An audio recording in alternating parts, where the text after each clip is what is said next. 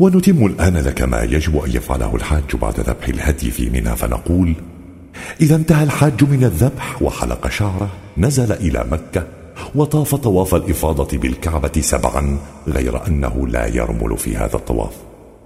ولكن لم لا يهرولون ولا يسرعون كما في طواف القدوم؟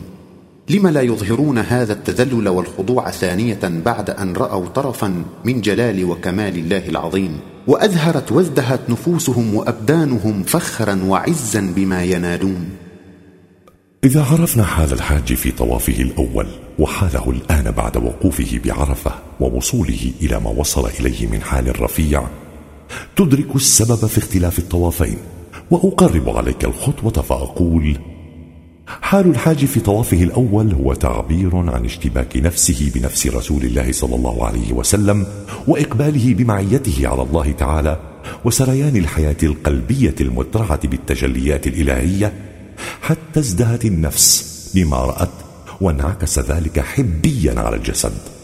ولذلك تراه يرمل في طوافه ذاك إظهارا لشوقه لرسوله وللقاء خالقه وتسارعه إلى لقاه ورضاه. أما وقد تفضل عليه ربه وأناله سؤله لذلك تراه لا يرمل في هذه المرة بل يطوف شاكرا فضل الله. تبدو عليه السكينة والوقار ارتباطا بملال. ومن ذاق هذه الأحوال عرف سر هذه الأوضاع في كل طواف. ويسمى هذا الطواف الثاني طواف الإفاضة أو الزيارة وهو ركن من أركان الحج. وما طواف الإفاضة كما ذكرنا إلا إعلان عن شكر العبد لخالقه واعتراف بفضله تعالى وتمسح بأعتابه وإشعار للنفس بأن دخولها في حضرة الله ووقوفها في ذلك الجناب العالي أضحى ميسورا لها في كل وقت وحين.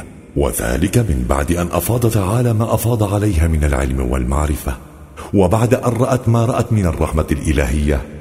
وشهدت ما شهدت من الفضل الإلهي الشامل.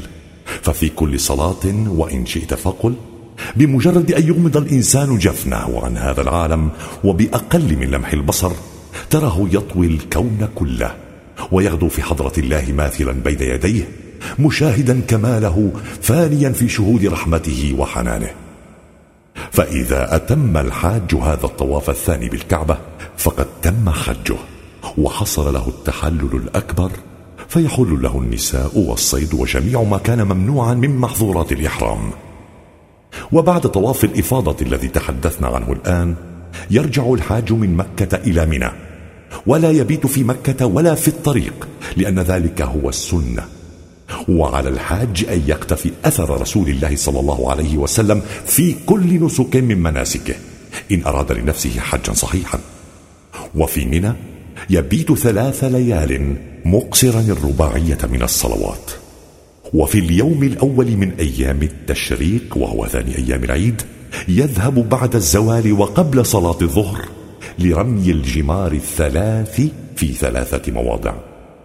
فإذا كان اليوم الثاني من أيام التشريق وهو ثالث أيام العيد يرمي الحاج الجمار الثلاث كما فعل أمس. وهو مخير بين الاكتفاء بالرمي في يومين أو البقاء إلى اليوم الثالث من أيام التشريق والقيام بالرمي كما فعل في اليومين السابقين. طالما أنه رمى بعد نزوله من عرفات فلم تكرار رمي هذه الجمرات؟ ما الرمي هذا إلا تعبير النفس المشاهدة عما عزمت عليه سابقا من معاداة الشيطان وعدم الالتفات إلى وساوسه. إذ أصبح هذا الحاج التقي لديه من الحجة ما يستطيع أن يرد بها كيد الشيطان. إن إبليس وذريته لم يكن مسلسلا في تلك المناطق الثلاث حتى نرميه بتلك الحصيات وإنما هي رمز أو إشارة لمعاداته. أما وقد أنهى الحاج من رمي الجمار في أيام التشريق ونظر إلى مكة مع الحجيج فعليه أن يأتي الأبطح وهو مكان بين منى ومكة. ويسمى أيضا بالمخصب وعليه أن ينزل به ساعة لما روي أن رسول الله صلى الله عليه وسلم نزل به. ومن بعد ذلك يدخل مكة فيطوف طواف الصدر. وطواف الصدر يكون بسبعة أشواط. لا رمل فيها. فإذا انتهى من الطواف صلى ركعتين.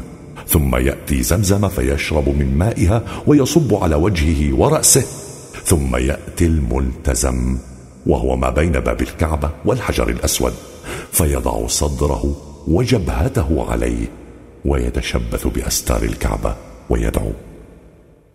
فما المقصود من وضع الصدر والجبهة على الملتزم ما بين الحجر الأسود وباب الكعبة؟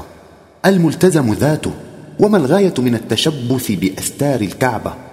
الأستار ولا الكعبة. إنما المقصود الضراعة إلى الله والتشبث بجنابه العالي طلبا لدوام هذا الفضل. فبالصورة الجسدية يتشبث بالأستار وبالحقيقة فإن نفسه تتشبث بدوام الاتصال بحضرة الله وعدم الانقطاع عنه عهدا بنفسه لنفسه طالبا من مولاه جل وعلا ألا يهتك عن نفسه ستره بأنوار الحبيب الموصل إليه تعالى. وعدم انقطاع هذا الحاج عن رسول الله صلى الله عليه وسلم الذي به الصلاة الدائمة أي دوام الالتزام والاتصال بالله بواسطة رسوله صلى الله عليه وسلم مدى الحياة. عطف علينا ورعانا